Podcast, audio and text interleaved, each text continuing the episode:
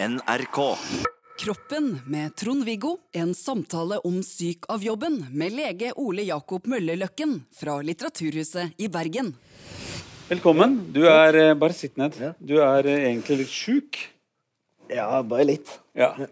For jeg, du sa det er mulig at jeg har så mye feber at jeg må ligge i dag. Så sa jeg ja, det kan du gjøre en stund, men så må du komme. Fordi at på denne jobben her så er det ikke sånn at man kan liksom få sykemelding. Nei. Eh, av denne legen her får man ikke sykemelding. Hvis man først er bare altså Skal man eh, være og publikum har betalt og kommer, da nytter det ikke med sykemelding. Det er sirkuset jeg er med i. Ja. Så sånn er det punktum. Så, men eh, god bedring. Jo, takk. Dette blir veldig bra. Bedriftshelsetjeneste, arbeidsmedisin, altså hele det derre komplekset rundt at man har oppdaget at også arbeidet kan gjøre oss syke. Når, når var det egentlig det begynte? For at jeg, da jeg gikk på medisin, så var det ikke noe snakk om det. Men når jeg begynte ute i medisinsk praksis, så endte jeg på et sykehus hvor de hadde arbeidsmedisin som beredskap, og kanskje det lille miljøet startet. Så det, det, er, det er rimelig ny disiplin, da. Ja, både òg, kan du si. Fordi at um, du kan si, I Norge, i hvert fall, da, så, så begynte det mest i området rundt Skien og disse store fabrikkene. Det var der jeg var. Ja. Mm. Og der eh, var det jo sånn voldsomt store mm, fabrikker, annet Hydro sin. Eh, og en del leger som jobba i det området, oppdaga at veldig mange av de som jobba på fabrikken der, fikk veldig lignende sykdommer og symptomer. Hvis det ikke var pent vær, så var det enten gul røyk eller grå røyk i det området Yes. jeg jobbet. Så, og det gjorde at de på en måte fikk en egeninteresse for å se på hva var det med disse arbeidsmiljøforholdene som gjorde at de her eh, pasientene ble syke. Og hva var det som var de første meldingene om, eh, om det fokuset rundt arbeidsmedisin på den tiden? Hva var det, hva var det folk ble syke av? Hva slags type sykdommer var det de hadde fått som kunne spores tilbake til arbeidsplassen? Ja, nå spør du vanskelig. Ja. Det er liksom det som er min jobb, da. Men der er det altså På disse, disse kunstgjødselfabrikkene og sånn som var her, så er det mye luftforurensning som gjør at de får plager med luftveiene, særlig. Så det var lungesykdommer og, og tetthet i, i den delen av kroppen? Ja. Det blir jo veldig fort blanda sammen med at folk også røyka veldig mye i den tiden. da. ja. Eh, hvordan klarer dere å liksom skille hva er det slags private livet, og hva er det jobbelivet? Og hvor mye skal man fordele dette her på den private medisinen og den bedriftsmedisinen? ja Er det mye prat om det? det er noe prat om det. Du kan si vi er nok mye flinkere i dag enn vi var tidligere på å, på å velge fokuset, holdt jeg på å si. Altså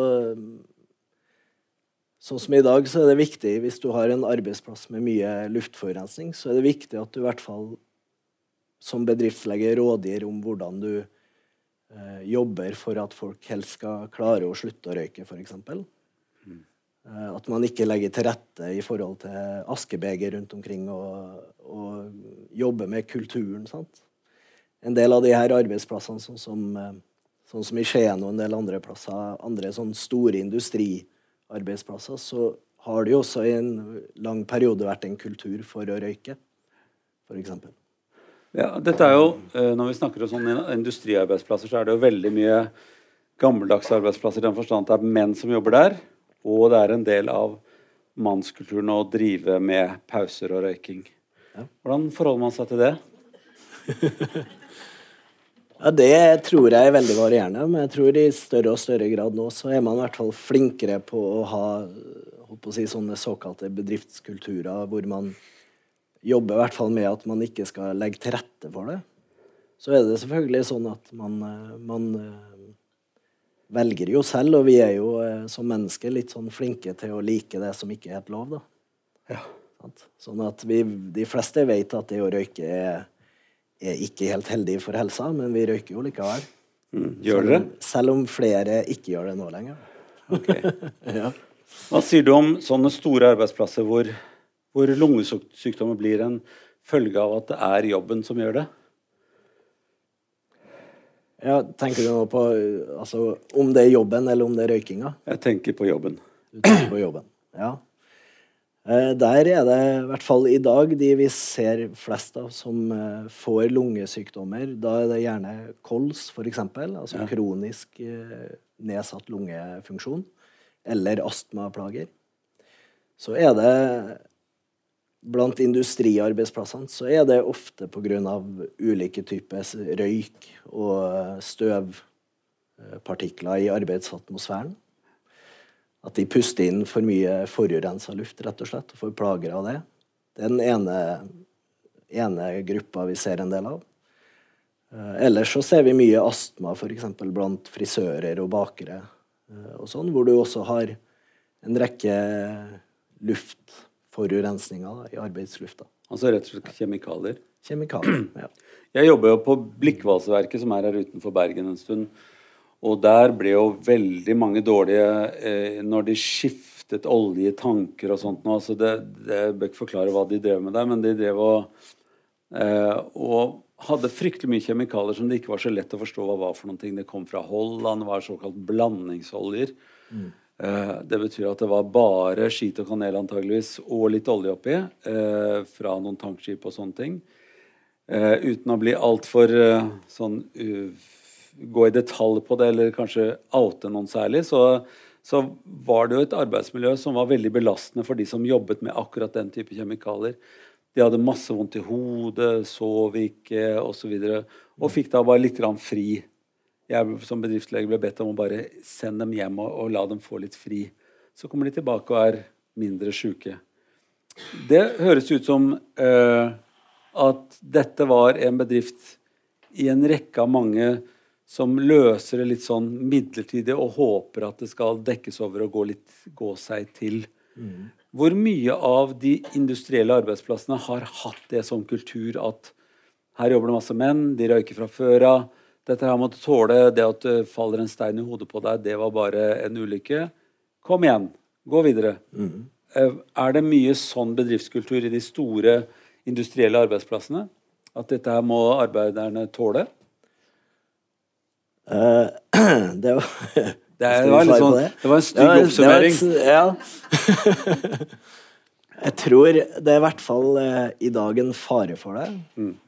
Uh, I dag så har vi en rekke arbeidsplasser hvor, hvor um, jobbforholdene ikke er så konkrete kanskje som de var før. Altså Før var du du var kanskje ansatt i, i Statoil. Du jobba på en eh, plattform i Nordsjøen, og den ble drevet av Statoil. Og alle som var her, jobba i Statoil, f.eks. Mm. Uh, I dag så er det mye mer at, uh, at, store firmaer de kan kanskje eie bedriften, men de leier inn arbeidskraft til å gjøre ulike jobber hos seg. Og veldig ofte i en del av de kontraktene så kan det, kan det være at de firmaene som, som velges til å gjøre jobben, de må de blir reita f.eks. på hvor mye ulykker eller hvor mye skader, sykdommer, er det i firmaet. Uh, og det er på en måte en god tanke, sant? at du skal jo da jobbe for å ha best mulig arbeidsmiljø, sånn at du ikke har så mye sykdom og skade, og dermed få kontrakten din. Uh, men du har akkurat samme problemet da som du nevner her, at det blir jo da lettere for en del arbeidstakere, eller det blir vanskeligere kanskje for dem å si fra, da, sant? for at du vet at hvis jeg kutter meg i fingeren og rapporterer det, så blir det et minuspoeng på denne ratinga. Så, så, da vil du ikke rapportere det. Helst. Så den tiden som vi hadde, som er litt sånn historisk eh, gammelt nå etter hvert, da, da, alle de som var ansatt i firmaet, var de som jobbet i firmaet, og firmaet hadde ansvar, og det var lett å se hvem som hadde ansvaret, mm. så er det nå med de nye typer arbeidsplassene, i industrien særlig, så er det sånn at en del oppgaver blir outsources og da outsourcer man problemene også, altså arbeidsmiljøproblemene. Sånn at du, du, på en måte legger byrden på noen andre som egentlig er det som tilhører arbeidsplassen. da. Ja, det er i hvert fall vanskeligere å ha full kontroll på det. Mm. Det er det. Eh, for selv om du, om du kan ha gode på papiret gode rutiner på hvordan du skal følge opp de her bedriftene som du har inne hos deg, så er det vanskelig å vite hvordan de håndterer sine ting i sitt firma. Og særlig nå når det er så mye, og hvor det er firmaer fra andre land også, så blir det enda vanskeligere å ha kontroll med det. Skal vi ta denne granaten og så bare la den overlate den til pressen? Ja. Eh, for dette er jo en bombe eh, som kan sprenge politisk, tenker jeg. Altså man, dette er jo et system vi har valgt. da. Ja da. At det er en økonomisk eh, måte å tenke på som er litt annerledes i forhold til det i det miljøet som ble, hvor det ble laget type bedriftshelsetjeneste. Hvis du skal si litt om bedriftshelsetjenesten. Den er jo egentlig ikke til for arbeiderne, er det det heter? De ansatte, som personer. Nei. Den er jo til for bedriften som pasient. Tror du de fleste oppfatter bedriftshelsetjenesten sånn? Nei, jeg tror de fleste De fleste vet vel nesten ikke at det fins bedriftshelsetjenester. Det er vel det første, kanskje. Eh, og så har vi det enorme dilemmaet at hvis vi jobber på den faglig veldig gode måten, som du nevner her, at det er bedriften som er pasienten vår At hvis det kommer en person og sier at jeg har så vondt i ørene for det er så mye støy, så skal du egentlig ikke, litt stygt sagt, bry deg så mye om akkurat den. Men du må Pasienten, tenke den Ja. personen? Men du må tenke hva er det i bedriften her som gjør at han har så vondt i ørene? Mm. Og så må du jobbe med å få den faktoren bort. For at da hindrer du jo, eller da hjelper du jo ikke bare den personen, men du hjelper også alle de andre som jobber der, og eventuelt som begynner å jobbe der senere. Men er Men da- bedriften veldig Jeg bare avbryter deg litt. Ja. For er bedriften veldig klar for å være pasient? Det er jo det som er da altså Hvis bedriften er klar for å være pasient, så er den også klar for å bli behandlet. Mm. Skjønner du poenget? Ja, Ja. Og det er veldig, altså Problemet er hele veien at hvis du jobber bare sånn, så vil du oppleves veldig u... Da vil du oppleves urelevant for den som er å si at han har vondt i ørene. Mm. Og da blir du veldig fort og opplevd litt urelevant for bedriften òg, for at det er mye lettere å se hva du gjør for den enkelte, egentlig. Mm. Så det er stadig et sånn vanske det å jobbe med å forebygge ting, for da får du heller ikke veldig store sånn kostnadsbesparelser. Men for å være da slem eh, si at Hvis jeg sier at det er en bedrift som bråker fryktelig mye, så går man til bedriften og sier hvordan kan du bråke litt mindre? Så blir man upopulær for bedriften, selv om det ville vært det beste for de som jobbet der. da. Ja, nei, du må eh, Som bedriftslege, da, eller som bedriftshelsetjeneste, så må du Så har du en oppgave å rådføre arbeidstakerne og arbeidsgiveren. Det er arbeidsgiveren hele veien som er ansvarlig for det her. Eh, Men du er nødt til å gi råd i forhold til hvordan de kan bedre arbeidsmiljøet i bedriften. Det andre dilemmaet er jo da at eh, du sier dette her bør gjøres, nemlig vi kan ikke få bedriften til å bråke mindre, men vi kan få deg til å høre mindre bråk som ansatt ved å sette på deg øreklokker. Og så sier den ansatte ja, det kan du prøve, men det gidder ikke jeg. Så jeg tar av meg øreklokkene. Og hvem er det da som har ansvar? Ja, det, det er noe som diskuteres ofte. Det var søtt sagt. Ja. Men uh, du har masse ulike løsninger på det. Alt fra at eh, hvis vi ser deg i et område hvor, eh, hvor du er påbudt å ha hørselvern, og du ikke har det, så er det en grunn til å gi advarsel. Og så og så mange advarsler er oppsigelsesgrunn osv. Så, videre. så man kan gjøre det på den måten. Men uh, hvis det var bedriften som skulle sørge for at det var litt mindre støy der nå, og de bare lemper liksom de, ulempen over på arbeideren Ja, det er en kjempeulempe. Og du kan si når vi rådgir, så er det alltid det å putte på hørselvern eller gjøre et sånn type tiltak, det må være siste utvei. Nettopp fordi at folk bruker ikke hørselvern. Sant? Du har ingen kontroll med om de er beskytta, hvis du bare sier at de kan bruke hørselvern eller de kan bruke åndedrettsvern osv. Så, videre. så det er mye, mye bedre hvis du hele tida jobber med hvordan kan du enten stoppe eksponeringa, da, altså få bort støyen, eller hvordan kan du bygge den inn på en eller annen måte, sånn at ikke alle er eksponert for det, f.eks. Eh, ok, Et sånt dilemma til som jeg hadde på den bedriften jeg var, det var at uh, jeg hadde en sånn kuttemaskin som uh, jeg tror de kalte for Kawasakin. Uh, som var sånn den kuttet opp plater. Eh, og den gikk nå i durende dur og kutta opp plater. Og så også alle de som jobbet i Kawasaken, de hadde et spesielt kutt, et arr, mellom tommelfingeren og pekefingeren. Og så spurte jeg hvorfor i all verden har dere sånt kutt. Jo, det var liksom en del av dåpen da, å jobbe på Kawasaken. Det var å ha det kuttet der. Mm. Uh, og så spurte jeg hvorfor fikk dere det. Skal dere ikke egentlig bare stoppe maskinen og så pelle ut de der uh, bitene som går feil? Så sa de nei, da må vi stoppe hele maskinen, som du sier. Og jo, du får en sånn tek etter hvert. Bare å nappe ut platen idet den liksom fyker av gårde forbi deg. Mm. Så går den ut på gulvet, så bare napper du den ut sånn. Og da får du bare kutt én gang, og så får du ikke det mer. Eh, og det tenkte jeg, hva i all verden? Hvorfor i all verden er dette blitt en del av kulturen? Og det må jo være mange bedrifter, når man kommer litt inn på dem, hvor det er sånne ting som er et veldig sånn dilemma mellom produksjon og da ikke få akkorden sin og og at bedriften ikke vil ta den kostnaden det er å ha en, en, en et type helseproblem inne i bedriften. Da. Mm. Eh, for så var det, de, Da fikk beskjed om å ha på seg selvfølgelig et hanske med noe sånn der vern inni, men den, da fikk du ikke tak i platen når du skulle nappe den ut. Eh, så eh, ikke sant? Hvis dette er problemer med arbeidshelse i industrien, så tyder det på at det er masse dilemmaer hvor bedriftshelsetjenesten og medisinen kunne gått inn og vært veldig aktiv. Mens mitt inntrykk var når jeg gikk inn i det og var veldig aktiv som bedriftslege, så var ikke jeg, hadde ikke jeg noe jobb etter en stund, gitt. Så var de veldig glad når jeg slutta. Ja. Eh, så man kommer jo opp i sånne problemstillinger her som er er, man går inn i noe politisk og noe, noe, økonomisk og noe hvor legen står i skvis mellom en del ting. Ja. Og på den ene siden så ville gjerne de ha heller smertestillende og sovemedisin, de som arbeidet der, istedenfor at man skulle gå for langt inn i arbeidsplassens sykdom. Mm. Mm. Hvor mye er det kultur for i arbeidsmedisin for å gå inn i denne type problemstillinger som er dilemmaer som er bedriften, outsourcing, ulykkesproblemer eh, osv. osv. Er det en diskusjon som arbeideren liksom støtter opp under?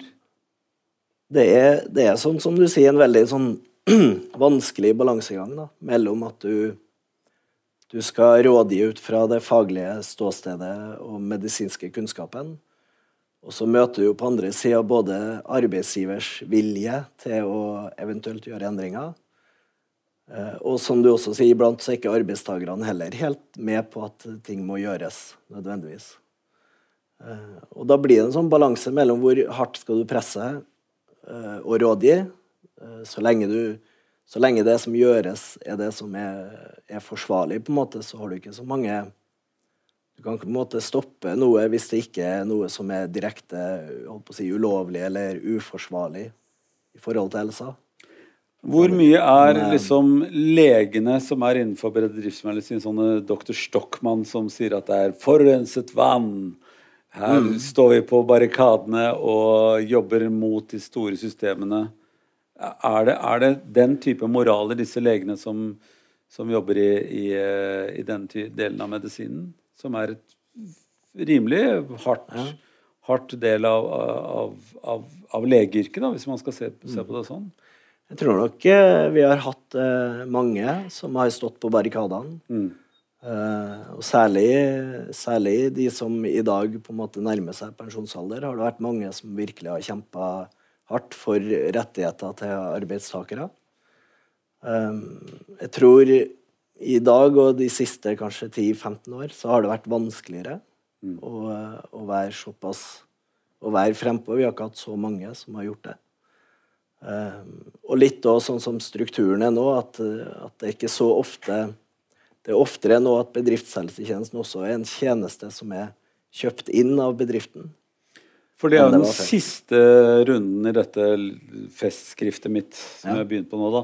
Eh, det er, det er eh, at eh, en arbeider eller en ansatt vil mye heller ha gått til en bedriftshelsetjeneste og sagt jeg har sjekket hele kroppen, og alt er i orden med meg. Mm.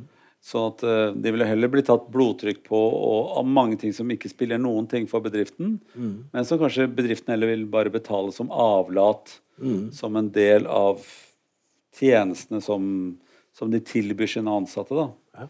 Som egentlig er å ha en tilgang til en privatlege istedenfor å gå til sin fastlege.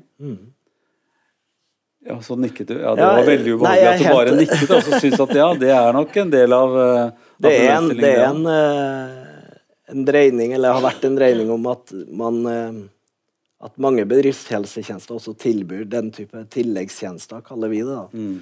Altså at du, at du kan Bedriften kan gjerne ha lyst til at de skal ha det som før het personallege. Mm. At du har en lege du har litt eh, vet ikke, bedre tilgang på, eller sånn. Um, Og billigere, kanskje? billigere kanskje òg, at bedriften betaler for det. Mm. Men det er jo da et rent tilleggstilbud, egentlig. Og, og, um, og be, ja. Bedriftshelsetjenesten er jo sånn som vi begynte med, skal jobbe med de faktorene i bedriften som kan påvirke de som jobber der. Um, så hvis du er hvis du er i en sveisebedrift, så bør bedriftslegen ha kontroll på hvordan, hvordan din lungefunksjon er, om du har eksemproblematikk fra sveisinga, om du får masse kuttskader fra å håndtere artige vinkelslipere og sånn. Eh, mens et blodtrykk vil ikke ha så mye å si, egentlig, for en bedrift. Mm. For det er få faktorer der som vil påvirke blodtrykket, egentlig. Skal vi gå til hva det er som meldes av problemer fra Skal vi begynne liksom med de, de, de tunge arbeidsplassene, de industriarbeidsplassene, de stedene hvor det er veldig mye bevegelse, mye slitasje og mye utsettelse for, eh, for gift og, og, og, og, og hva skal vi si, kjemikalier. Eh, hva er det som, og bråk og, ja, og vibrasjoner og hva det nå er. Eh, hva er det som meldes, hva er det meldes mest av? Hvilke klager er det mest på bedriften? Ja. Du kan si Vi har et system i Norge at, at enhver lege som eh, Hvis du har en pasient hos deg, uansett om du er fastlege eller bedriftslege eller hva som helst, eh, og pasienten har en, en sykdom som du mistenker at skyldes arbeidsmiljøet til pasienten, så skal det meldes til Arbeidstilsynet. Og Det er en plikt som alle leger i Norge har. Um, Hørte dere det, alle leger i Norge? ja, det er viktig. Det er ikke så mange som vet det. Men eh, de, de vi får melding om, det er veldig ofte støyskader, altså hørselstap. Ja. Eh, Det er mye muskel-skjelettplager fra industrien og andre. Hvis vi tar liksom de tunge arbeidsplassene først, ja. Så Ja. er det støy og muskel-skjelettplager. Ja. Er, det, er det fordi at eh, altså det er, det, Begge de tingene er jo lett å forstå eh, sånn tradisjonelt. At det bråker fryktelig mye i industrien, og at uh, det er mye løft og slitasje på, på ledd og muskler. Mm. Um, uh, hva, hva er liksom de hovedtiltakene dere kommer med tilbud om da, uh, innenfor eh, arbeidsmedisin? Du kan si på, på eh, støy, da, som, eh, som vi har jobba mye med ut mot oljebransjen særlig, så har det jo gått på rett og slett å, å, å kartlegge egentlig hvordan, hvordan eh, lydforholdene er på de her plattformene, og finne ut hvilke områder der er det som er, er OK i forhold til støy, hvilke områder er du pålagt å bruke hørselvern, Eh, og også jobbe hardt med hvordan, hvordan sikrer man at folk bruker hørselvern når de trenger det. At de beskytter seg godt når de flyr helikopter frem og tilbake osv. Um, så det har vært tiltakene mest der, å se på hvordan kan vi, hvordan kan vi uh, sørge for at den støyen som er, er kun der nede, at den ikke sprer seg utover alt. Altså bygge det inn på ulike måter. Uh, og hvordan kan vi skifte ut uh, verktøy de bruker, f.eks., med verktøy som støyer mindre. Og finne andre måter å jobbe på, sånn at det ikke like mye bråk, f.eks. Har det vært noe sånn eh, læring fra én type industri som man har kunnet flytte over til en annen type industri? Altså der hvor jeg jobba på den der eh, den bedriften, så var det jo helt umulig å snakke med folk. og Man kunne rope så høyt man ville, og det var ingen som hørte noen ting når maskinene var i gang. Det er jo fryktelig mye bråk, men uh, har, man, har man kunnet flytte den kunnskapen du nå nevner, over til annen industri? Ja. Annen arbeidsplasser? Ja. Um, jeg syns et sånn greit eksempel på det er eh, bruk av du kan si, mye vedlikeholdsarbeid blir, gjort med noe som heter nålepikking. Altså en, en maskin som med masse stålstenger som hamrer løs rust og drit. Det høres litt ut som dette er og det er Veldig sånn, sånn. Ja. Sånn og vibrerer og bråker noe helt skrekkelig. Ja. Eh, og det har man jobba med mye lenge offshore og funnet ut at vi kan eksempelvis heller bruke høytrykksspyling for å få samme egentlig effekten, men mindre eksponering på de som jobber med det. Høytrykksspyling sier jo mer sånn hysj hele tiden. Ja. Litt mindre lyd og ganske mye mindre vibrasjon. Ok. Eh, og samme kan vi gjøre f.eks. på mekaniske verksted på land, hvor de også bruk, har brukt den der mye før. Hvor vi kan skifte over til andre typer arbeidsmåter gjør samme jobben på. Mm. Så det er en viss sånn overføringslæring mellom, eh, mellom ulike arbeidsplasser. Mm. Eh, Det er det. er det også sånn at kulturen har endret seg, sånn at man kan Det er mer bruk av hørselvern? Er det noe som har skjedd med hørselvernet, så det ikke bare er sånne svære klokker du har på deg? Ja, det, det er også noe man jobber med stadig. da, hvordan vi, fordi at det å bruke hørselvern, det er ubehagelig. Mm. Eh, Det er ubehagelig å ha det på, for du blir liksom i din egen lille boble, og du får ikke med deg det andre snakker om, og du har jo lyst til å være sosial på jobben, som regel. Mm.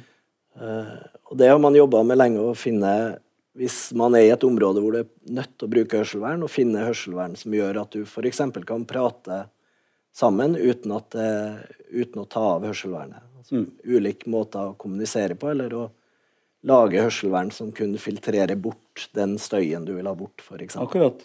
Sånn, eh, nå har jeg ting jeg kan høre på, høre på musikk når jeg er på flyet, og det høres ut som jeg er i et helt annet rom. Ja. Mye mer behagelig å være i. Ja. Ja. Og det er jo et av de artige tiltakene på, på støy, da, er jo dette motstøysprinsippet. Som er mest kjent fra Bose sine Quiet Pro, eller hva det nå heter. Eh, øretelefonene sine. Eh, men det kan du òg lage i større skala. Vi har lag, det fins f.eks. tog eh, togkonduktørplasser, altså de som styrer togene. Mm. Så har de motstøy i stolen sin. Sånn at hvis de lener seg tilbake, så har de det helt stille og fint. Mens hvis de har lent seg frem, så er det masse lyd fra togskinnegangen. og sånn. Så det kan du gjøre i ganske sånn i hvert fall i små skalaer, da, hvis du har et lite nok miljø du skal lage det her i. Så teknologien jobber litt for oss hvis man vil. Hvis man vil. Ja. Ja. Eh, Vibrasjon og sånn er jo også en sånn ting som kan være ubehagelig for, for ledd og, og muskler. Er det noe også som, eh, som det jobbes med, eller? Ja, det jobbes det, det mye med. Jeg nevnte jo det mekaniske arbeidet i stad. Mm. Der ser vi at hvis du Det har jo sikkert de fleste gjort og jobba med ulike sånn vinkelslipere eller boremaskiner, så blir du litt nummen i hendene. Mm. Og du kan se for deg, hvis det er jobben din å gjøre det åtte timer om dagen i ett år, to år, tre år, ti år, så vil du etter hvert få kronisk nummenhet, f.eks. i fingre og sånn. Og etter hvert kanskje ikke klare å bruke hendene dine sånn som du har gjort før. Så det er noe vi stadig eh, informerer om og jobber med at bedrifter må vite om. Sant? Hvordan de hindrer at folk blir stående og gjør én type arbeid over lang, lang tid. Eh, er det noen arbeidsplasser som har minst meldinger? Er det, er det, noen, er det noen arbeidsplasser som sier at her bør man søke til, for det er de aller beste arbeidsplassene?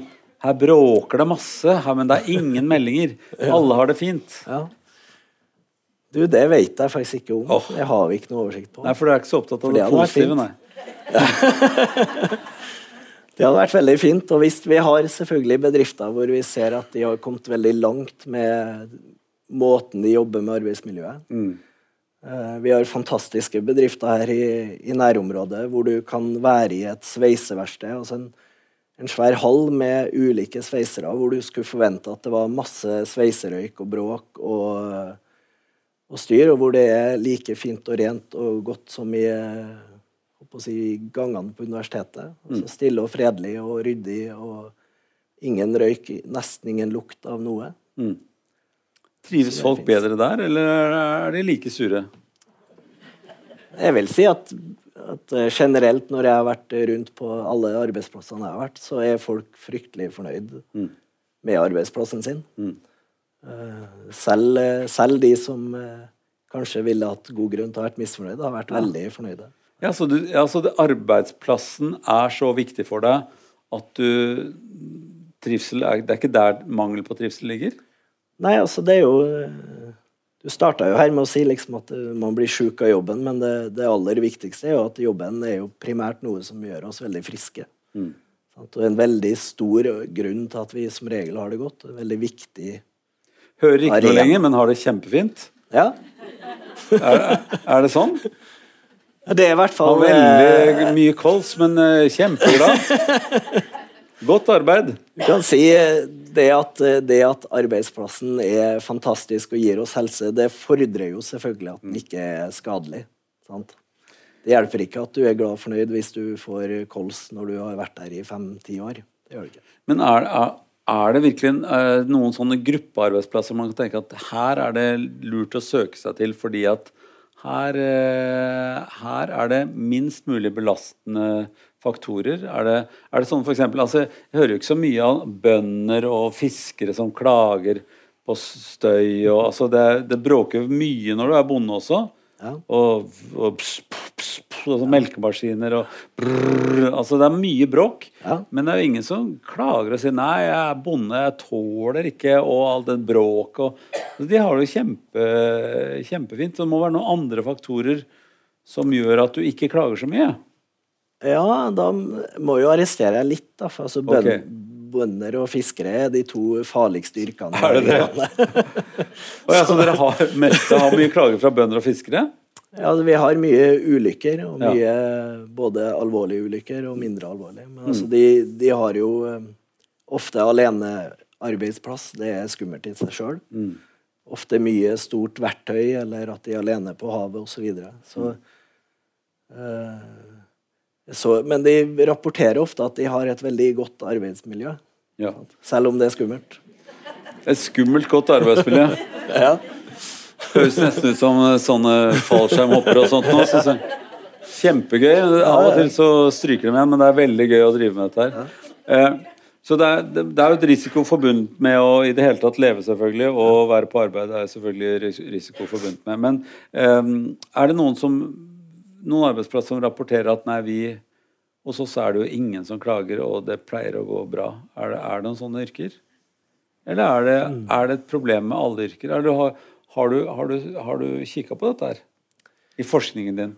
Ikke i min forskning. Nei. Er ikke. Altså, jeg syns jo eh, Generelt så er det jo ikke mye saker vi har mm. på det her. Men uh, Eh, så jeg heller si at det gjengse er kanskje at folk flest er fornøyd og, er, og har det godt på jobbene sine. Mm. Uh, og så er det jobben vår å, å, prøve å sørge for at det enten forblir sånn, eller at vi hjelper de som, der det dukker opp problemer. Um, jeg har hørt sånn at, at, lærere har det veldig fint. De er de som mm. trives best på jobben sin og, og blir minst sjuke av alle. Stemmer det?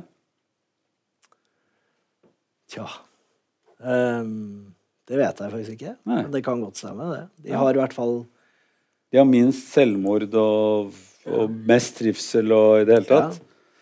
Legeyrket er også et sånn hvor det er, ja, ja, man er relativt eh, Ja, Leger er litt høyere på selvmord enn det lærere er. Ja. Vi har litt for god kunnskap. Så du må passe deg. Mm.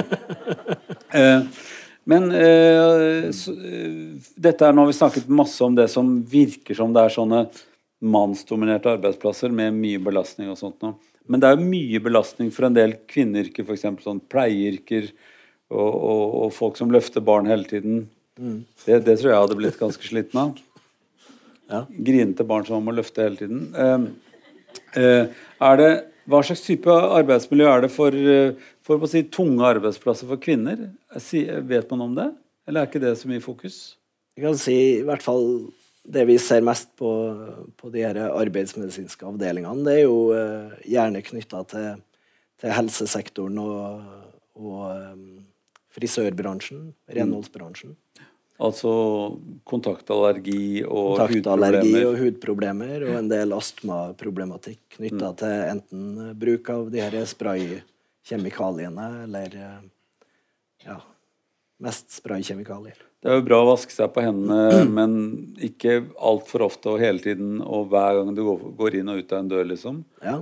Det er jo noen som driver og vasker seg så mye at de mister alle fettstoffene på kroppen. holdt jeg på å si. Det var jo å overdrive litt, grann, da, men eh, Nei, men det, det, er veldig, det er et stort problem i, i helsesektoren, f.eks. det. For at der, eh, der har man laga rutiner på at du skal vaske hendene veldig ofte.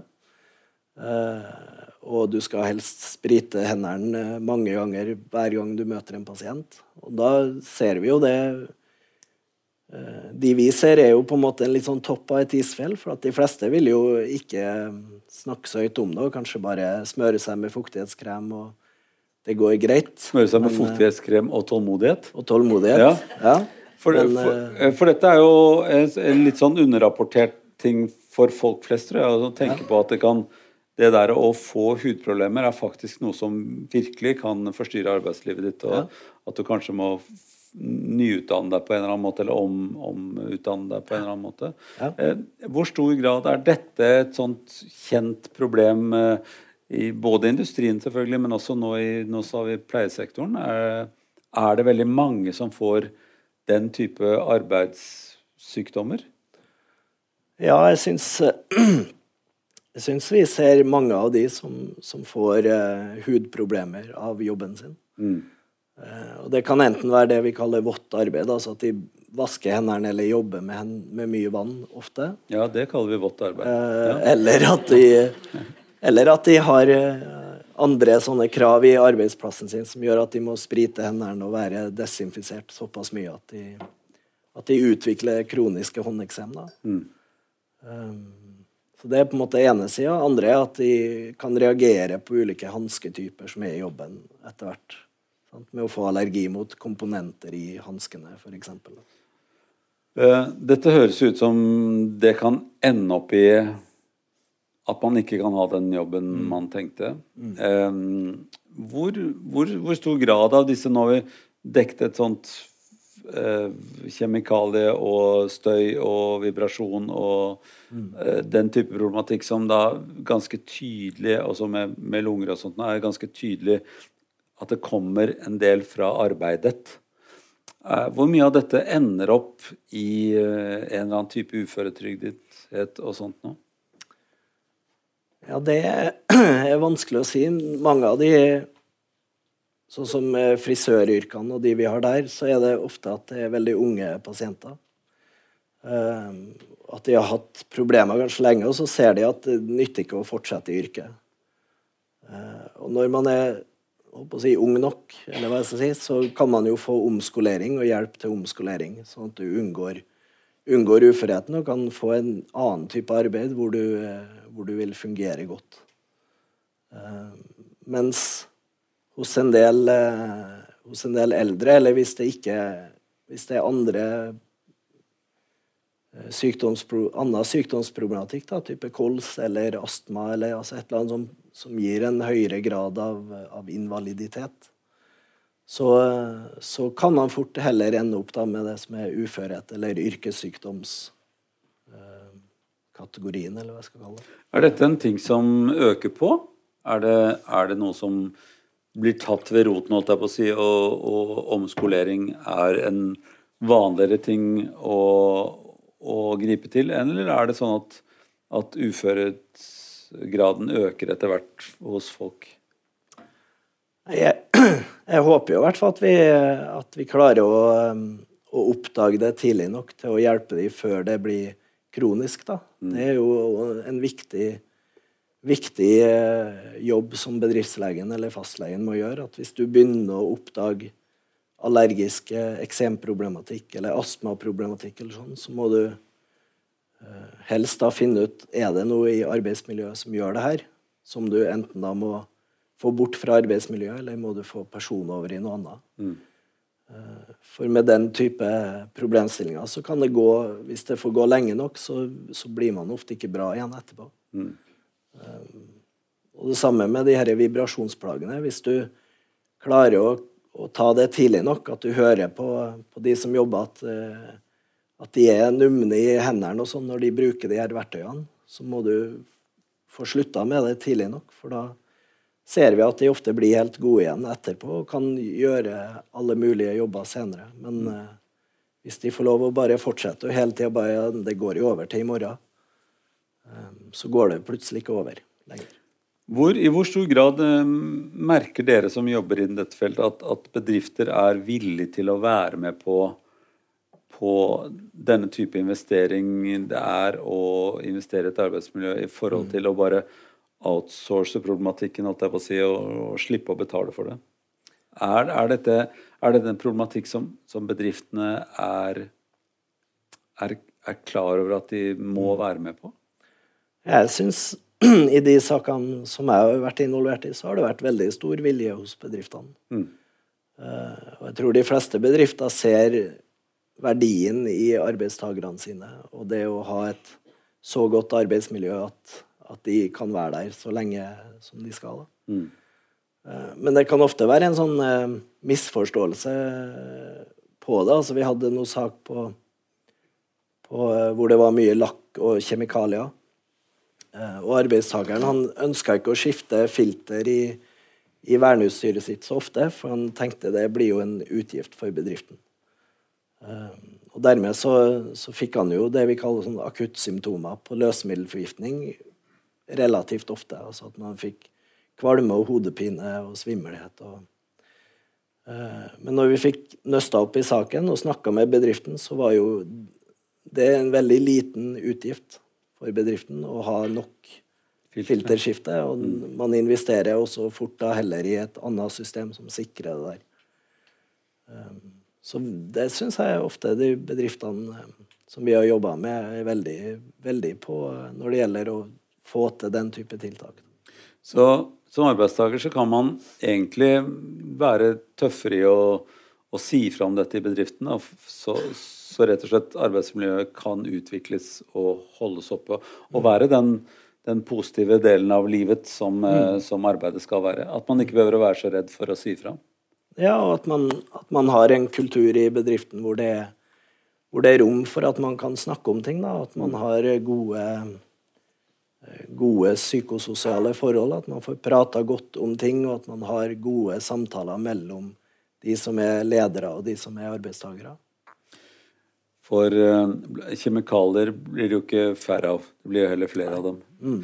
Uh, skal vi bare spole litt over til, um, til, den delen av arbeidslivet som blir større og større, nemlig de som da sitter mer og driver mer med data og ikke kommer seg opp i stolen av stolen, og uh, som også er et arbeid som hvor, hvor, hvor arbeid går over i privatliv ved at det skyver, skyver den grensen for tilgjengelighet.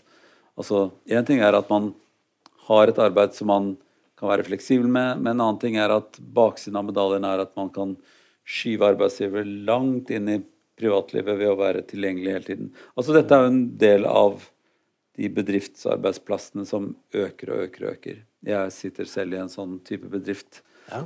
Alltid tilgjengelig og, og kan kalles inn på, si, når som helst til å gjøre den type tull jeg holder på med her også. Ja. Eh, sitte og prate med deg. Ja. Eh, det skjer ofte om kvelden når jeg hadde tenkt å ha fri, eller de andre hadde tenkt at de skulle ha fri. Mm. Eh, eller de sitter her og hører på meg og syns at nå er de fri. Mange har jo den type arbeidsplasser som flytter seg i tid, og som er på forskjellige steder. Ehm, og så man river vekk veggene, og så blir det åpne kontorlandskap. Ja. Og så kan man heise opp pulten og senke pulten og tro at det hjelper på PC-skjermen ja. og alt det der. der. Ja, altså alt dette her som er de nye bedriftene. Eh, hva, hva skjer med arbeidsmedisin i forhold til det? Eh, ses det på oss, eller er, det, er vi bare i et sånn tullearbeidsplasslandskap, vi som har PC og tenker og prater? Nei, det, det skjer eh, Vi prøver å være på ballen der òg, da. Altså, ja. å, det er ikke så mye baller der jeg er. Nei, men det, det, er jo et um, et sånt problem, eller en utfordring, som dukker opp en del plasser når det gjelder særlig det med at arbeidsplassen på en måte ikke blir så definert lenger. Da, du er alltid tilgjengelig, og mailen kan du få når som helst som kan tikke inn på klokka di hvis du vil det, osv. Um, og det vi ser, er vel litt at man burde kanskje være litt mer bevisst på når er det du skal være på jobb, og når er det du skal ha fri. Mm. Uh, For jeg tror det er veldig lett, sånn som vi har det i dag, at vi er, vi er utrolig tilgjengelige på alt. Og vi er med på alt mulig, og man skal, eh, man skal være veldig aktiv på veldig mange plattformer.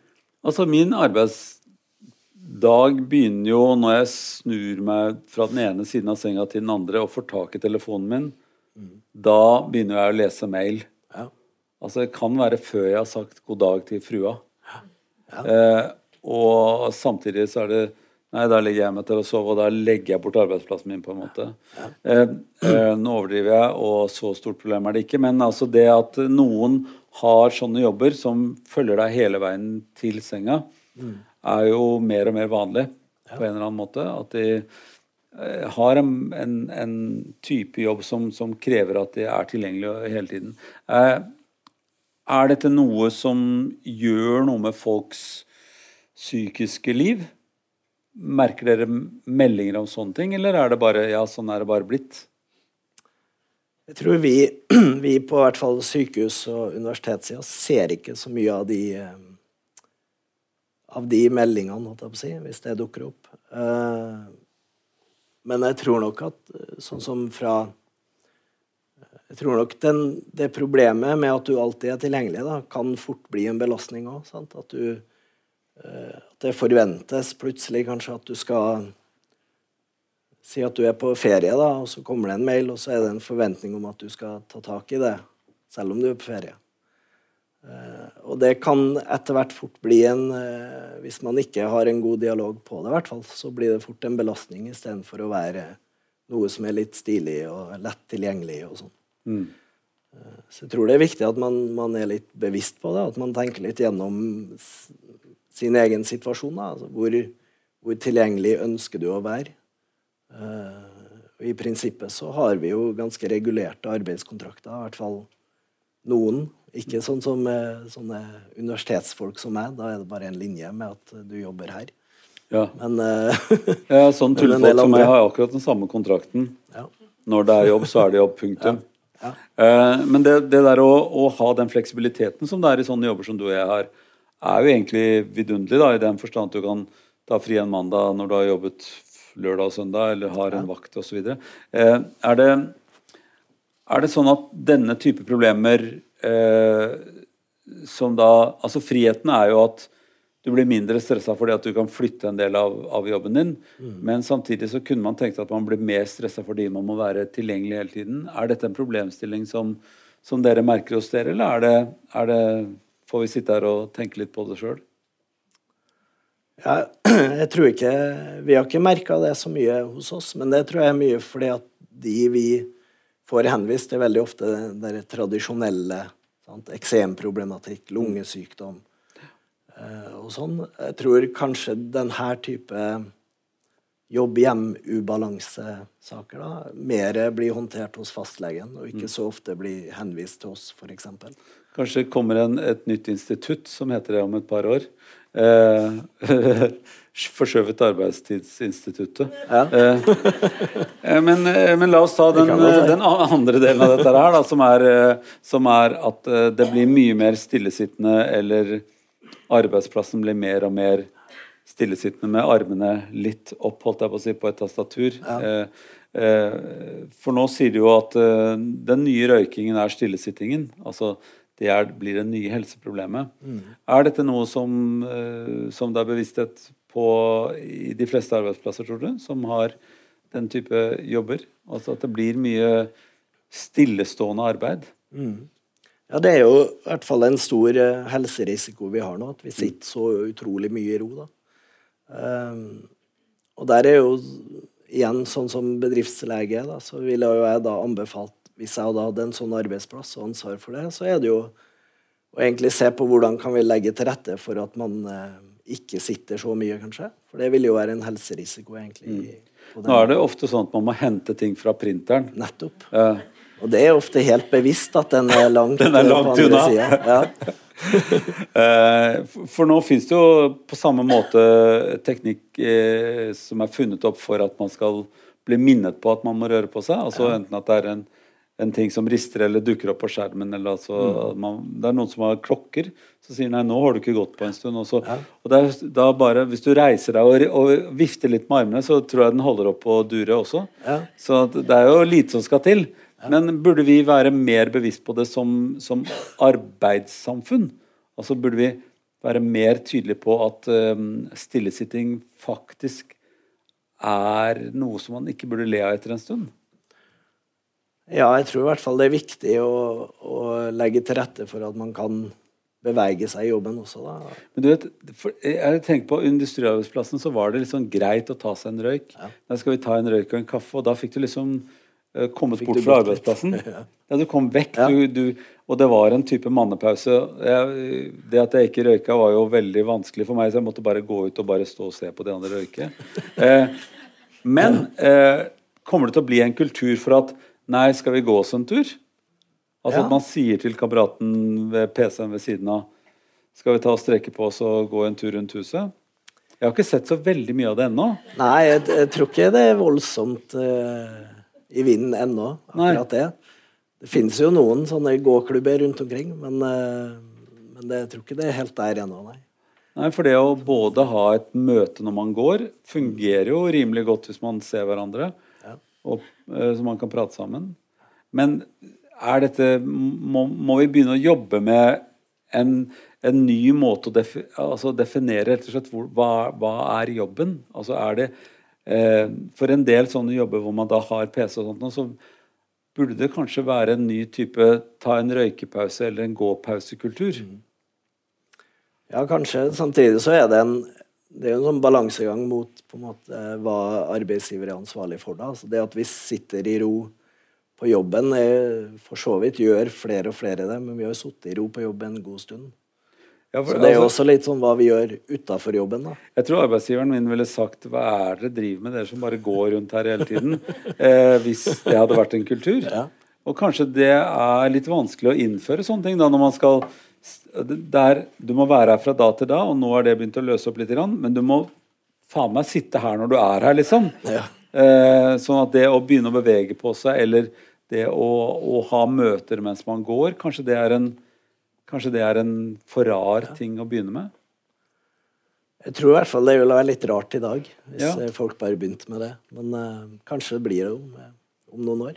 Tror du det? Så blir det et bevegelsesinstitutt også i- samtidig med det andre instituttet vi fant opp.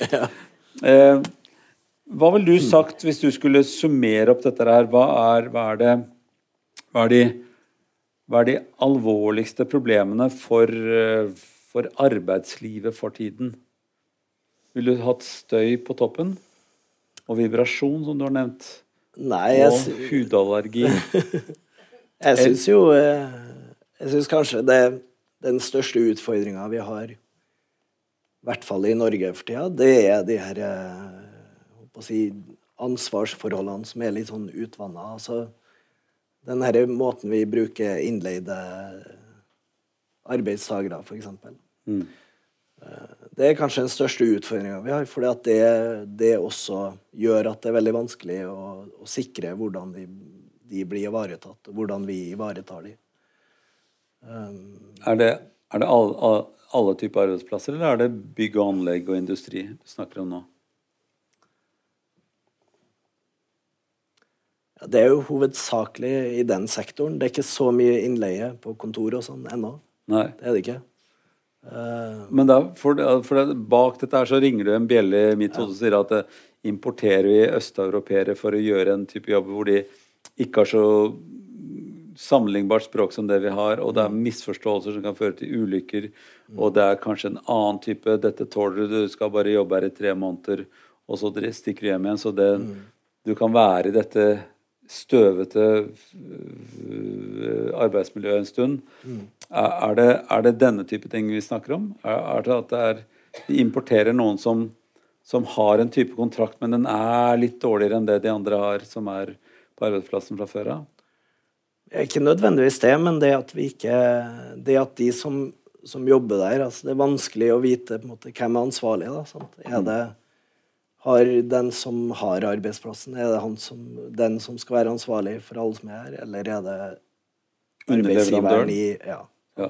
Arbeidsgiveren i et annet land. ja, hvordan sikrer man det, eller hvordan skal man jobbe med det? Det, det er en stor utfordring som vi har. Mm.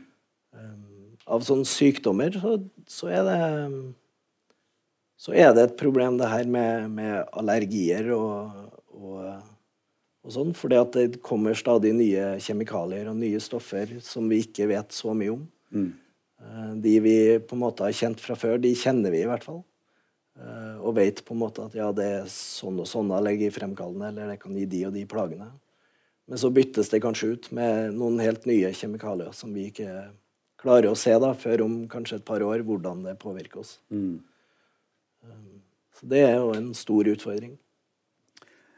Til grunn for all, all forbedring her så ligger jo kanskje det at man har et godt eh, et, et, et godt arbeidsmiljø i den forstand at arbeidstakerne kan snakke med sin nærmeste overordnede, som så kan bringe problemstillingen si, videre inn i, inn i, inn i bedriften. Eh, I hvor stor grad legger, legger man vekt på at man har sånn medarbeidersamtale-type ting, hvor man har en åpen, god dialog med en nærmeste leder? Ja. Hvor, hvor viktig syns du det er? Det er jo kjempeviktig. Det er en av de, en av de viktige settingene hvor det skal være rom for å, for å høre litt hvordan, hvordan går det på jobben. Det er nå én ting. Hvordan syns du arbeidsoppgavene er? Er det passelig vanskelig, eller er det for mye, for lite, osv.? Mm. Men også en fin plass hvor man kan snakke litt om hvordan er det ellers i livet ditt. Altså, er det ting utafor jobben som, eh, som gjør at vi burde tenkt på en annen måte nå, eller ikke? Så det er både rett og slett for arbeidstakerne, men også for bedriften, og forbedre bedriften generelt. Så eh, dette er kanskje det stedet man kanskje burde gjøre mest for å kunne påvirke eh, utviklingen s- for seg selv og som arbeidstaker og for bedriften. da. Ja. Så jeg har en sånn arbeidsgiver som er veldig flink med det, det der, så jeg, jeg har nesten ikke tenkt på at det ikke går an å ha sånne, sånne gode prosesser. Men det der å ha et, et godt arbeidsmiljø handler jo også om å bli ivaretatt i den forstand at man kan snakke om det uten at man føler at man blir si, eh, utsatt for urimelig press i forhold til å, å, å oppføre seg annerledes eller ikke rapportere om ting. I disse metoo-perioder som vi er inne i nå, så Ja. er vel kanskje dette også en, et følsomt område. Ja, og, og ta opp ting i en sånn samtale. Ja, Nå sitter jo vi her som menn begge to, da, Synes jeg uh, det er litt annerledes for oss. Ja. Er lengter kanskje etter å bli tafset litt på, men mens de fleste kvinner som blir tafset på, har veldig veldig dårlig erfaring med å ha en, en, en leder som er tafsaren, eller som har rett, rett bak han står den store tafseren. Eh, I hvor stor grad kan dere som driver med arbeidsmedisin, gjøre noe med denne kulturutviklingen? Det var et godt spørsmål på slutten. Eh, det jeg jeg tror at uh, skal lage en svær Altså, hvis, her på slutten. Ja, Hvis det er sånne problemer, da, at, den du skal ha samtale, medarbeidersamtale med, er en du uh, f.eks. blir trakassert av, da, eller det er noe annet, så er det jo viktig Eller du ikke har tillit til, bare. Eller du ikke har tillit til. Så er det jo En ting er hvis du har en bedriftshelsetjeneste, så går det an å gå dit og snakke med de, og snakke med bedriftslegen om det her. Eh, og ellers så er det jo å ta med seg noen, eller å gå nivået over og høre med eh, Altså snakke med de som sitter ovenfor, da. Det Så, kan, ja. ja, du, det er jo Man legger jo fryktelig mye eh, ansvar på den som er den utsatte. Da. Det var jeg husker en gang fra barna mine gikk på barneskolen, og så var det en som gikk bort til læreren som var og gikk og inspiserte skolegården, og sa at det er en som mm, kaster snøballer på meg. Og så sa læreren ja, gå bort og hent han, så skal jeg snakke til han. Det blir jo veldig gæren problemstilling, syns jeg, da. Men fra det lille, tullete eksempelet og opp til en vanlig arbeidsplass, så kan det være nettopp det som er problemstillingen. At den som er den ubehagelige nærmeste lederen, kan være problemet for hele bedriften, egentlig. Eh, Du vil da råde folk til enten å involvere bedriftshelsetjenesten eller å ta med seg si, en god eh, venn eller medarbeider og gå til nivået over. For det, det, er fryktelig vanskelig, da. Og vi har hatt eh, mange saker hvor, hvor det har gått virkelig gærent. Og det som er litt sånn Da er det jo noen ganger sånn at hvis det er en skikkelig konflikt, da, så blir man f.eks. klarer ikke å gå på jobben eller blir sjukmeldt fra jobben. Um, så er egentlig det man må på en måte møte det her på et eller annet vis. da, og Det er en del regler i arbeidslivet som gjør at du må stille på en del sånne møter. Mm. Uh, og Der er det masse eksempler på at hvis du da kommer alene, så kan du få en veldig ubehagelig opplevelse sant? fra en sånn type situasjon. Og Da er det ofte lurt å enten ha med seg noen, eller å eller å prøve å involvere de over. Men det er ikke lett i de her sakene, dette. Mm. Men man må Det er på en måte eneste rådet vi, vi har, i hvert fall. At man må ta tak i Det er dette du ville gjort? Ta, ja, altså det, det, er lett å si, da.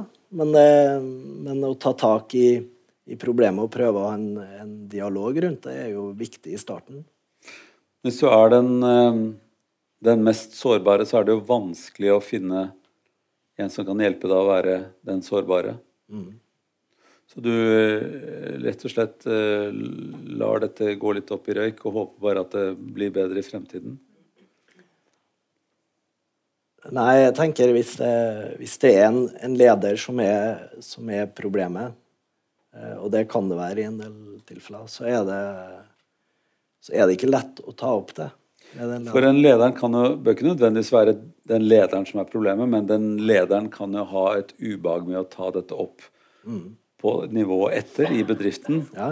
Eh, hvis det er f.eks. at man alltid får et kutt når man uh, står i Kawasaken og bare trekker ut den der ene plata, mm. eller det er man får alltid Eh, beskjed om at nei, det der går over, du har gått med disse kjemikaliene. Ja, jeg tålte det veldig fint, sier mm. uh, lederen. Mm. Um, så det er, det er nesten ved, ved, Hvem skal man få med på laget? Mm.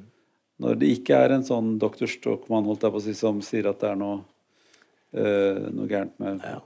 med bedriften.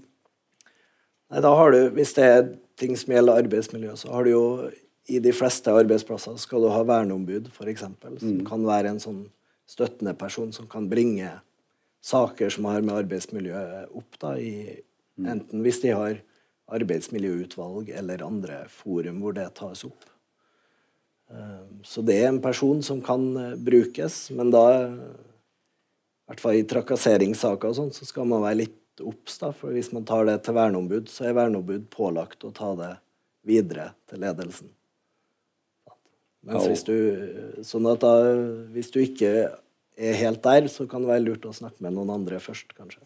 Så finne deg en god arbeidskamerat øh, eller kameratinne eller venninne eller hva det skal mm. hete i, for å være ikke kjønnsnøytralt. Ja. Um, og, og være, ikke være alene hvis det er ting som er uh, tydelig har noe med bedriften å gjøre, eller med bedriftskulturen å gjøre. Ja jeg tror vi må la det ligge der, for eh, vi kommer vel ikke noen vei uten at dette blir en mye større debatt. Så tusen takk for at dere møtte opp.